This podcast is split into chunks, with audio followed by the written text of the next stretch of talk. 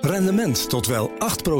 Ontdek Unity. Wij bieden koppelbare werk, kantoor en opslagruimtes die staan voor duurzaamheid, kwaliteit en veelzijdigheid. Sluit je aan bij Unity, waar alle ruimte is voor creativiteit, lef en rendement. Kijk voor meer informatie op unity-units.nl.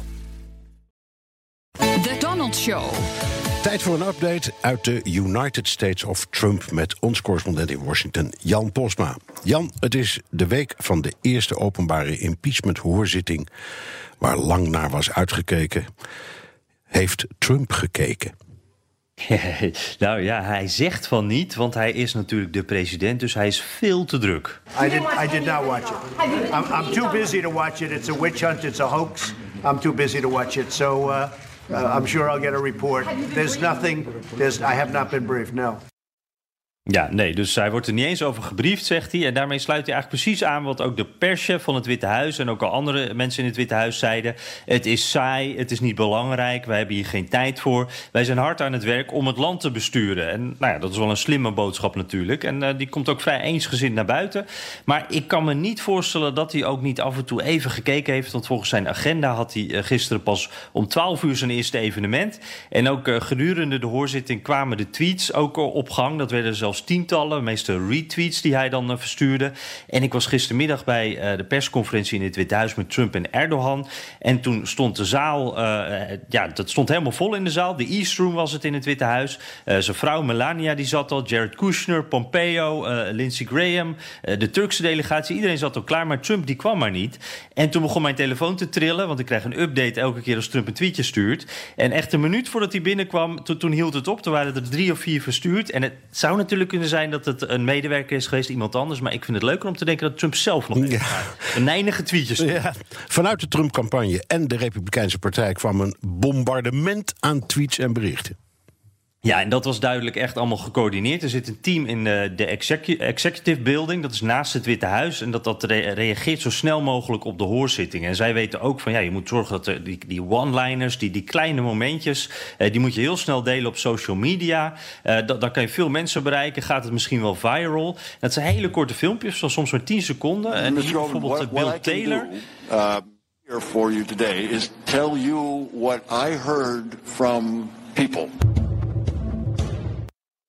Ja, dit is Bill uh, Taylor dus. Uh, en, en, Republikeinen die benadrukken eigenlijk consequent dat hij Trump zelf niet heeft horen praten met Zelensky. Dat hij eigenlijk niks uit eerste hand heeft. En in dit filmpje wordt dus één zinnetje van Taylor eruit gepakt. Waarin hij zegt van ja, ik ben hier om te vertellen wat andere mensen zeiden. Wat natuurlijk ook de reden is waarvoor hij is opgeroepen. En dan is dat dus bam, ineens een filmpje van 10 seconden. En die wordt overal gedeeld. Ja.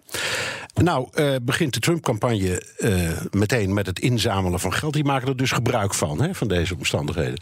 Ja, ja, ja. Ik, ik sta op die mailinglist van, van de Trump-campagne. Wat me al een tijdje opvalt, is dat die mailtjes ook steeds harder van toon worden. Dus ze maken het heel, op een hele slimme manier persoonlijk. In de onderwerpsregel bijvoorbeeld, uh, van een mailtje gisteren, die, die al tijdens de hoorzitting werd verstuurd, uh, stond de, de naam van de man die, die het impeachmentonderzoek leidt, hè, Adam Schiff, de Democraat. En dan stond er zijn naam Schiff versus Jan. Dus hij maakt het echt persoonlijk alsof die Schiff met mij aan de slag wilde. En die mail die gaat echt ver. Het is echt een agressieve toon. Die man die wordt een zieke man genoemd, die Schiff. Een leugenaar, corrupt. En nou ja, die zieke, corrupte man die wil volgens die mail dan Trump kapot maken. En ja, uh, ik als ontvanger ben dan de enige persoon die daar wat aan kan doen. En dat kan ik doen door geld te geven. Dat, dat gaat sneller. Oké.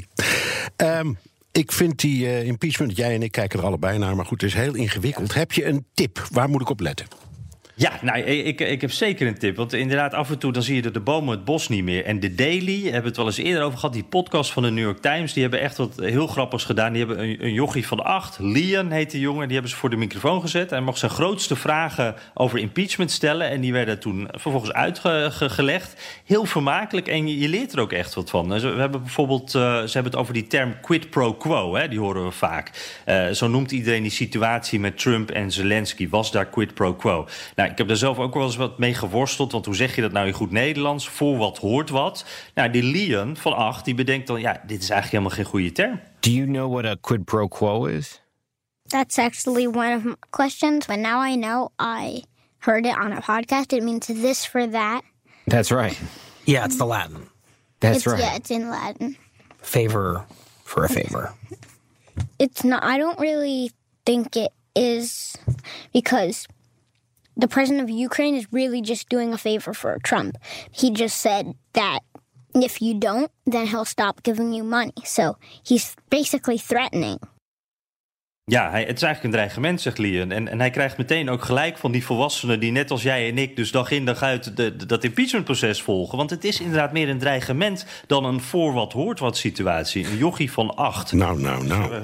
Ik, uh, ja, die weet het. Ja, nou... Ik uh, petje af. Dankjewel, Jan Posma, onze correspondent in Washington. Voor wie, net als Jan en ik, maar geen genoeg kunnen krijgen van dat fascinerende land, luister dan naar onze Amerika-podcast. Rendement tot wel 8%.